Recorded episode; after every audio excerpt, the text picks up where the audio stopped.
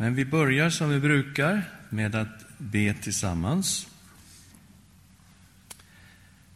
Tack Herre att vi får stilla oss inför ditt ansikte. Tack att vi får samlas, Herre Jesus, i ditt namn och att du är här mitt ibland oss. Och vi ber, Herre, att du ska öppna våra ögon, våra hjärtan, våra sinnen för dig. Och tala till oss härifrån ditt ord. I Jesu Kristi namn. Amen.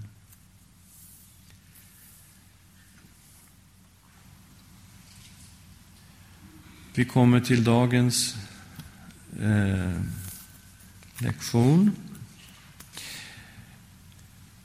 Mose fick ju inte heller komma in i landet.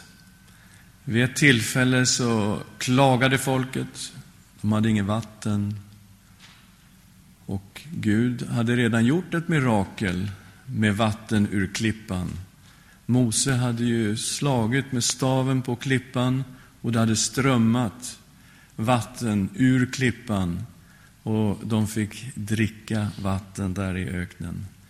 Och så hände det igen att de klagade och de drev Mose till vansinne, verkar det som. Han blev jättearg.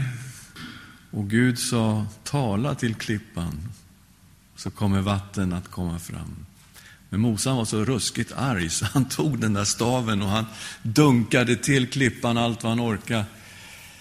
Och eh, det kom ju vatten ur klippan, men Herren var inte nöjd med att Mose inte hade gjort som han hade sagt. Så inte ens Mose fick komma in i landet. Och vi kommer till femte Mosebok, eh, kapitel 32, vers 48. Samma dag talade Herren till Mose och sa, stig upp här på Abarimberget, på berget Nebo i Moabs land, mitt emot Jeriko, så ska du få se Kanans land som jag ger åt Israels barn till besittning.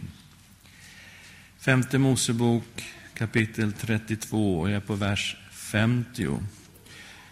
Du ska dö på berget dit du stiger upp och du ska samlas till ditt folk, liksom din bror Aron dog på berget Hor och samlades i sitt folk. Detta sker därför att ni var trolösa mot mig mitt ibland Israels barn vid Meribas vatten, vid Kadesh i öknen Sin, eftersom ni inte höll mig helig bland Israels barn. Du ska se landet rakt framför dig, men du ska inte komma in dit, till det land som jag ger åt Israels barn. Och kapitel 34, vers 1. Mose gick från Moabs hedar upp på berget Nebo, på toppen av Piska, mitt emot Jeriko. Där lät Herren honom se hela landet, från Gilead ända till Dan. Och vers 5. Och Herrens tjänare Mose dog där i Moabs land, så som Herren hade sagt. Han begravde honom i dalen i Moabs land, mitt emot Bet Peor. Men till denna dag har ingen fått veta var hans grav finns. Mose var 120 år när han dog. Hans ögon var inte skumma, hans livskraft inte försvunnen. Så Herren begravde Mose. 120 år, man kan dela in hans liv i 40 årsperioder. 40 år då i Egypten.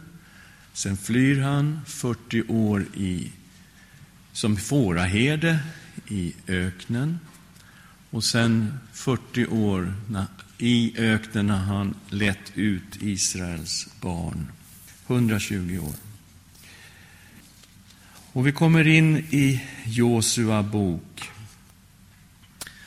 Och eh, Gud gav ju fantastiska löften om seger. De skulle inta det här landet.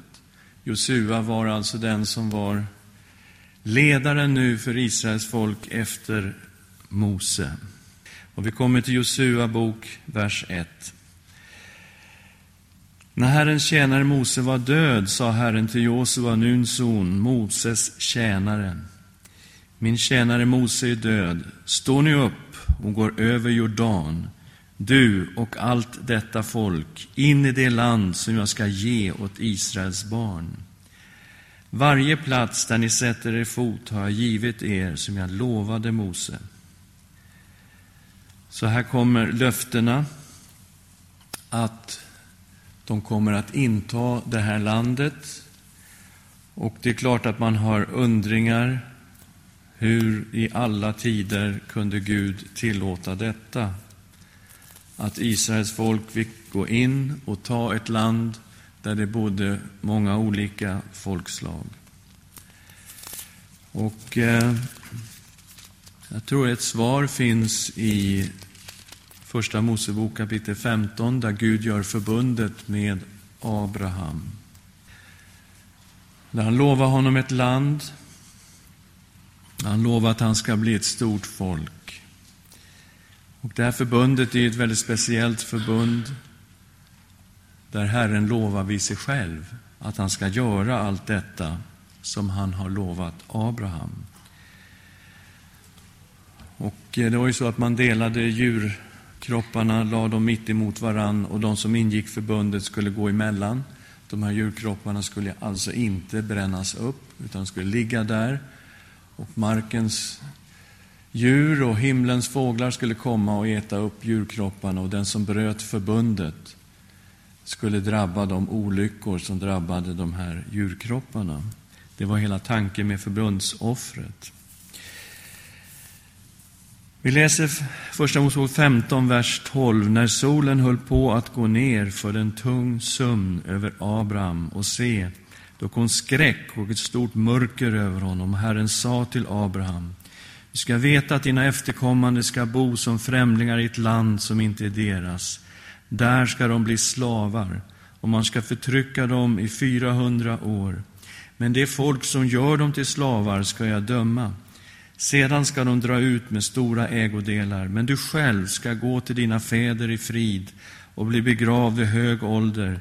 I fjärde släktledet ska de återvända hit, ty ännu har inte amoréerna fyllt sina synders mått. Så alltså då, vid Abrahams tid, hade inte amoréernas synd blivit hade inte kommit till det måttet att Guds domar skulle gå över de folk som bodde i Kanans land. Men efter hela den här långa perioden då på över 400 år, när Israel var i Egypten, då hade de så att säga uppfyllt sina synders mått och det här var en del av Guds dom över de här folken. Det är så man måste förstå det. Vers 17. När solen hade gått ner och det hade blivit alldeles mörkt syntes en rykande ugn med en brinnande fackla som for fram mellan köttstyckena.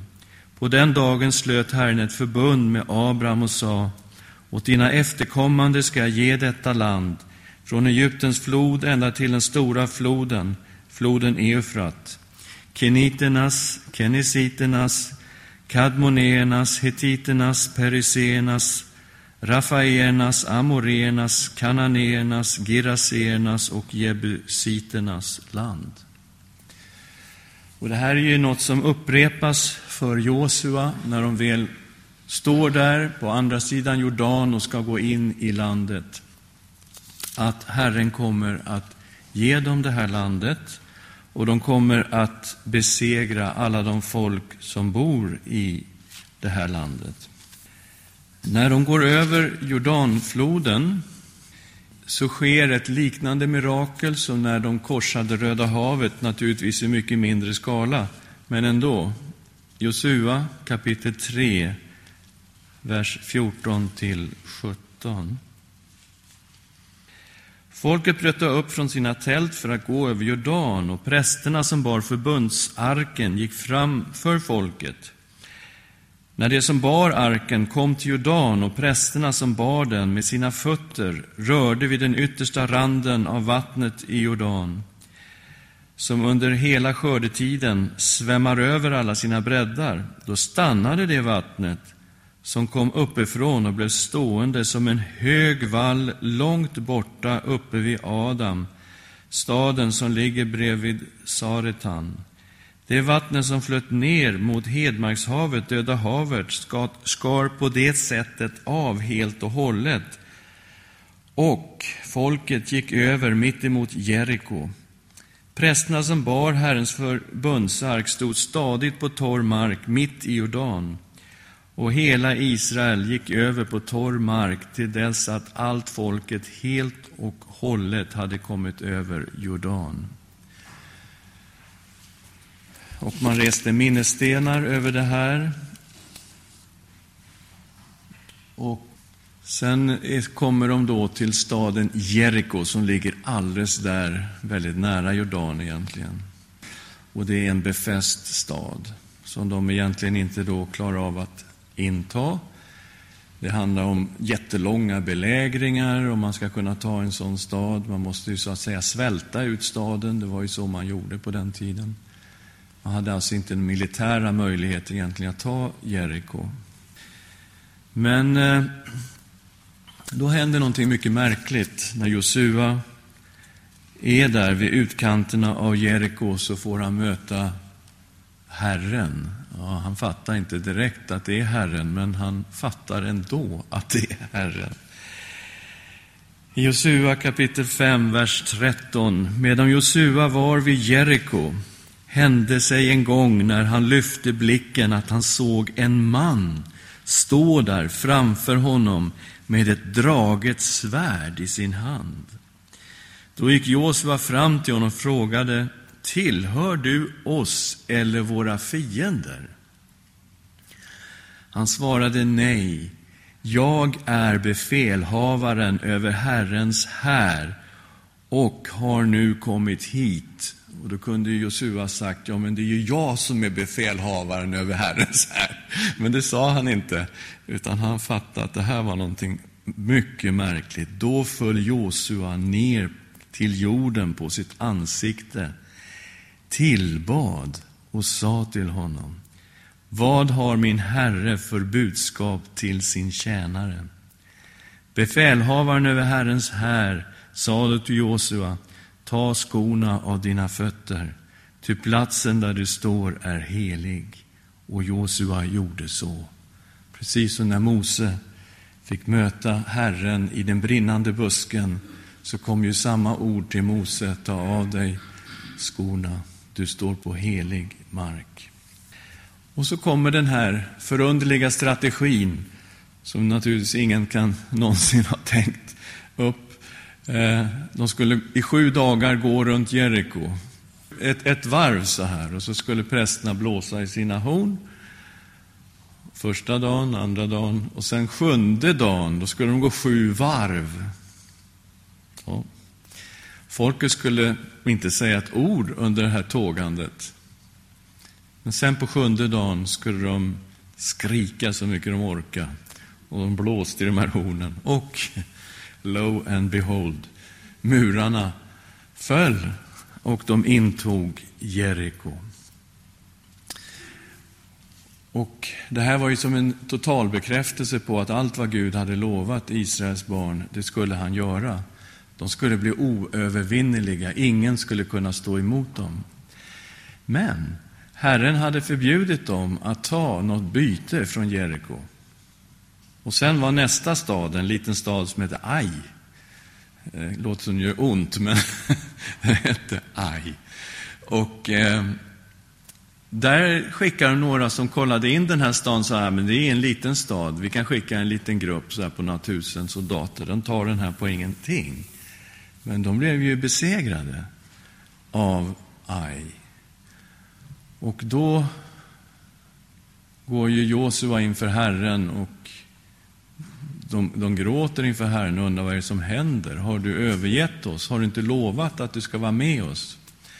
Och då säger Gud, det finns synd ibland er. Och här kommer ju andliga principer fram, både när det gäller Jeriko och Ai, som sen förs vidare genom Gamla testamentet och förs vidare in i Nya testamentet att när Guds folk överlåter sig åt Herren i tro, i lydnad, då blir det seger. För då är Herren med. Men när det är synd bland Guds folk, då är det nederlag. Så kan man säga, när det är otro och olydnad, när de börjar tillbe avgudar och hela den här biten, ja, då blir det ingen seger. Och den här principen den går genom hela Gamla testamentet och inte minst Domarboken. När vi kommer till åttonde kapitlet av Josua så har vi detta som Gud hade förrättat och talat om genom Mose. Att när de kommer in i landet så ska de ställa upp sex stammar på berget Ebal och sex stammar på berget Gerizim. Och de sex stammarna på berget Ebal, de kommer att ropa ut de förbannelser som kommer över Israel om de inte håller förbundet. Och de sex stammarna på Gerizim, de kommer att ropa ut alla välsignelser som kommer över Israel om de håller förbundet. Så förbundet som Gud hade gjort med Israels folk på Sinai berg var ett villkorat förbund. Det var villkorat på det sättet att Israel måste lyda Herren, måste följa lagen, måste hålla det här förbundet. Annars skulle de inte få de välsignelser som stod i förbundet, utan skulle istället drabbas av Guds tuktan och av Guds domar. Eh, det läser vi om i åttonde kapitlet. Så kommer vi till att de intog det här landet väldigt snabbt, rent militärt sett. Och det har att göra med att eh, de olika folken fick reda på vad som hade hänt i Jeriko. Och de tänkte, vi kommer aldrig att klara det här folket om vi bara krigar stad för stad. Så de gjorde allianser, gick ihop och stred mot Israel då. Och på det sättet, genom ett par stora fältslag, så lyckades Israel i princip ta hela landet. Eh, därför att de var då i allians med varandra. Och till slut så kommer fördelningen av landet. Och det handlar ju då om de tolv stammarna. Och den trettonde stammen, Levis stam, fick alltså inget stamområde, utan de fick olika städer bland Israels stammar. Levis stam var ju präststammen, och de hade ju sitt uppdrag att undervisa om Herren ibland Israels barn. Man eh, inrättade också eh, fristäder eh, som var platser dit man kunde söka asyl faktiskt. Alltså om, om någon hade dödat någon men utan uppsåt för att komma undan blodshämnden så fick man fly till en av fristäderna. Och då skulle man kunna vara skyddad där, befolkningen där var alltså skyldig att skydda den som hade flytt dit. Och att de fick naturligtvis då hålla rättegång och se om det här hade gått till på det sättet att det var en olycka. Och då kunde de stanna kvar i fristaden och på så sätt vara skyddade.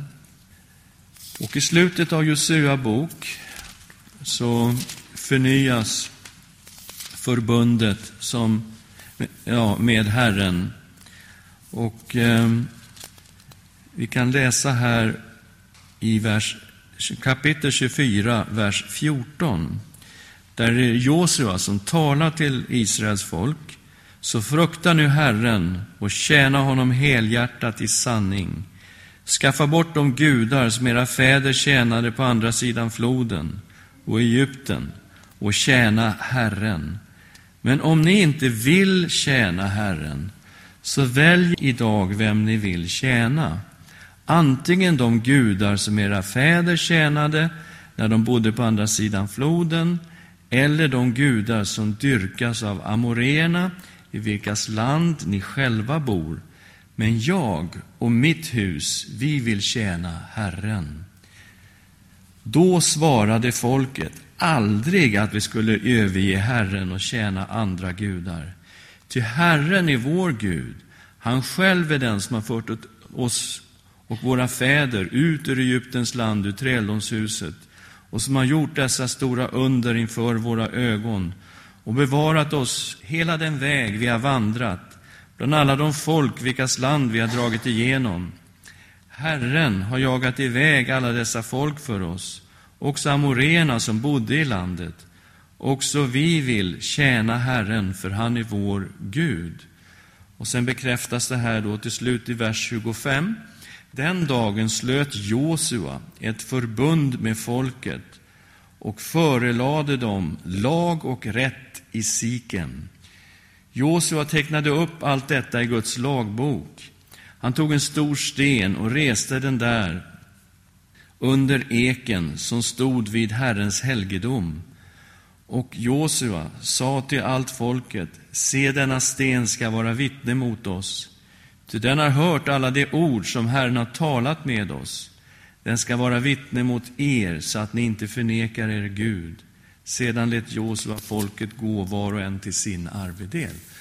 Så länge Josua levde så kan man säga att då fungerade eh, det hela ganska bra. Men så fort han var borta så funkade det inte så bra och vi kommer in i Domarboken. Domarboken är en bedrövlig bok att läsa, tycker jag. Den är otroligt jobbig, därför att det är värsta berg och dalbanan hela vägen. Det går bra när det finns någon domare som håller ordning på dem, och sen så vänder de sig bort från Herren, de tjänar avgudar, de kommer under olika folk, de blir förtryckta på olika sätt. Då ropar de till Herren och säger förlåt oss, vi hade fel. Okej, då säger Gud, jag förlåter er. De går upp igen och så går det bra ett tag och så glömmer de bort Gud igen och börjar tjäna avgudar och så åker det upp och ner så här.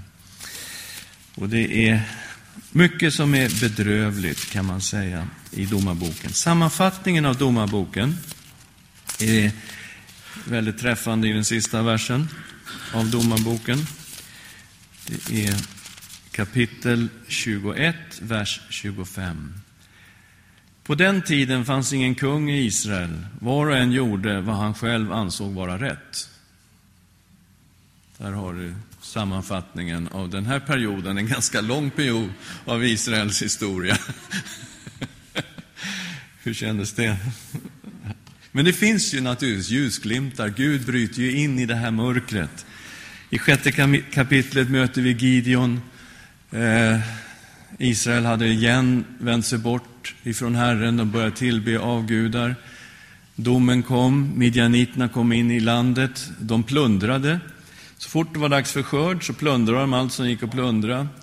Och eh, Israel var då utarmat och fattigt och eländigt under den här perioden.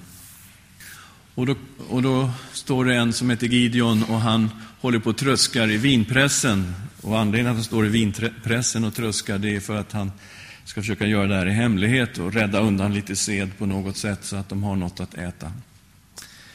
Och då kommer Herrens ängel och talar till Gideon och kallar honom till att bli den genom vilken Gud ska frälsa sitt folk. Och Gideon säger, vadå, vem är jag? Jag är ju liksom minst i hela Manasses stam. Alltså, jag är ingenting. Jag är det minsta i min faders hus. Varför talar du till mig? Nej, men du är utvald av Herren. Och sen då så säger Gud åt honom, det här är vad du ska göra. Du ska riva ner balsaltaret som ligger här och aseran som är rest. Eh, du ska förstöra de här eh, fruktbarhetsriterna som finns här. Och då gjorde han det. Och hela folket blev emot honom förstås, men hans pappa skyddade honom eh, så att han inte blev lynchad. Och sen så får han tecken från Herren. Han tänker, ja men hur ska jag vara säker på att vi ska kunna besegra midjaniterna? De är ju hur många som helst. Okej, jag, jag föreslår en sak. Jag lägger ut ull här. Och på morgonen när jag kommer så ska det bara finnas dagg. Ullen ska vara blöt, men marken ska vara torr. Ja, han kom dit nästa morgon, vred ut en hel skål full med vatten från den här ullen. Ja, säger Gideon, men kan vi inte, vi gör ett prov till. Vi gör tvärtom. Nu ska det vara dyngsurt på marken och ullen ska vara torr nästa morgon. Så kom han dit och mycket riktigt, ullen var torr. Och då visste ju Gideon, okej, okay, alltså jag kan inte komma ifrån det här. Gud har uppenbarat sig för mig. Han har sagt vad han ska göra. Han kommer att befria sitt folk. Jag måste gå på Herrens ord. Och han får ihop en armé, 32 000 man, ser ganska lovande ut. Problemet är att midjaniterna är 135 000, så det ser lite dåligt ut ändå, med tanke på att de var svaga och så vidare. Men Herren var ju med dem. Och då säger Gud att, nej men ni är lite för många. Eh, det kan ju vara så här att ni tycker att ni, min egen kraft har frälst mig. Ja, då får alla som är rädda gå hem. 22 000 man går hem, 10 000 kvar. Och det ser fullständigt omöjligt ut. Men Gud säger, ja, men jag tycker nog ni är lite för många i alla fall. Jaha. Och så säger Gud till Gideon, ta, ta folket ner till det här vattendraget här och så ska de få dricka. Och alla som kastar sig ner på knäna, för de var uttörstiga, och dricker direkt ur vattnet, de måste gå hem. Men bara de som står upp och lyfter vattnet så här, de får stanna kvar. Oh, Okej. Okay. 300 man är kvar. 300 man, nu ska vi börja räkna här, mot 135 000. Det ser ganska svårt ut. Och det är ju helt otroligt när man läser vidare hur Herren vinner seger. De behöver inte göra någonting, var och en står på sin plats. De slår sönder sina krukor, håller upp sin fackla och så ropar de Herren och Gideons svärd. Och sen så blir det fullständigt kaos i det här lägret. Och de besegrar midjaniterna. Och Gud befriar sitt folk. Återigen en andlig princip, att det som är svagt utväljer Gud. Gideon var svag, han var den minste. Gud utvalde honom. Och det var inte genom människors styrka som segern kom, utan segern kom bara genom Guds kraft. En andlig princip som går igen i Nya testamentet. Här finns intressanta figurer som Simson. Vi hinner inte med Simson. Vi kan läsa om honom i eh, Domarboken kapitel 13. Den sista domaren var ju trots allt väldigt bra. Och det var ju Samuel. Och det är ju första delen av första Samuelsboken. Och han var ju alltså vigd åt Herren från sin barndom. Och han hörde Herrens röst redan som barn. Och han blev ju alltså en Herrens profet, utvald av Gud för att leda Israel. Och Gud gav ju också seger åt folket genom Samuel. Så Samuel eh, är det ju den siste domaren i Israel och en mycket gudfruktig man. En Herrens profet var han. Vi hinner inte titta på honom heller. Böckerna här, Josua, Domarboken, Rut. Ruts bok är jätteviktig i det här sammanhanget. Därför att Rut var från, hon var moabitiska, hon var alltså inte från Israels folk.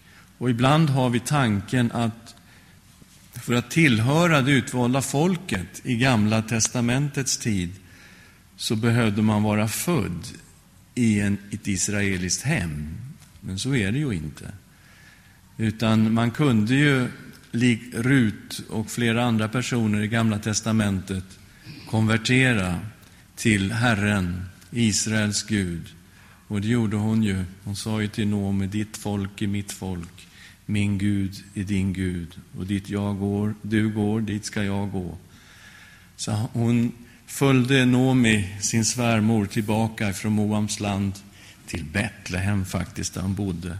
Mycket intressant läsning, Ruts bok. Men tiden tillåter oss inte att göra så mycket mer än så här. Ja, någon fråga spontant så här på detta? Gideon, han, han vill ju ha vetskap om det här mm. Han mm. göra sådana här primitiva tester. Det är klart att om det rör sig om en ganska stor fråga i vårt liv, eh, till exempel när jag slutade som pastor i Rinkeby så var det ju på gång att, jag att vi skulle flytta ner till Malmö. Och då la vi ett sånt här ull inför Herren, eh, Maggan och jag. Men ullet blev inte blött. Så då sa vi det till församlingen i Malmö. Vi sa inte att ullet blev inte blött, men vi sa att Herren har inte bekräftat att vi ska komma. Och därför flyttade vi inte ner till Malmö efter Rinkeby. Så det, det kan vara sådana här stora, stora frågor där man verkligen söker Guds ansikte. Vad vill du, Herre? Då kan det finnas på sin plats att begära någon tydlig visning från Gud. Nej, det var ingen var ingen ull och det var inte bomull heller. Det var någonting mycket konkret. Ja. Ja, visst. Ja, det var ju någonting jättebra vi la fram inför Herren. Att få starta en, en skola och träna människor i evangelisation bland folk från andra religioner. Men de nappade inte på det. Hade de gjort det hade vi varit i Malmö idag.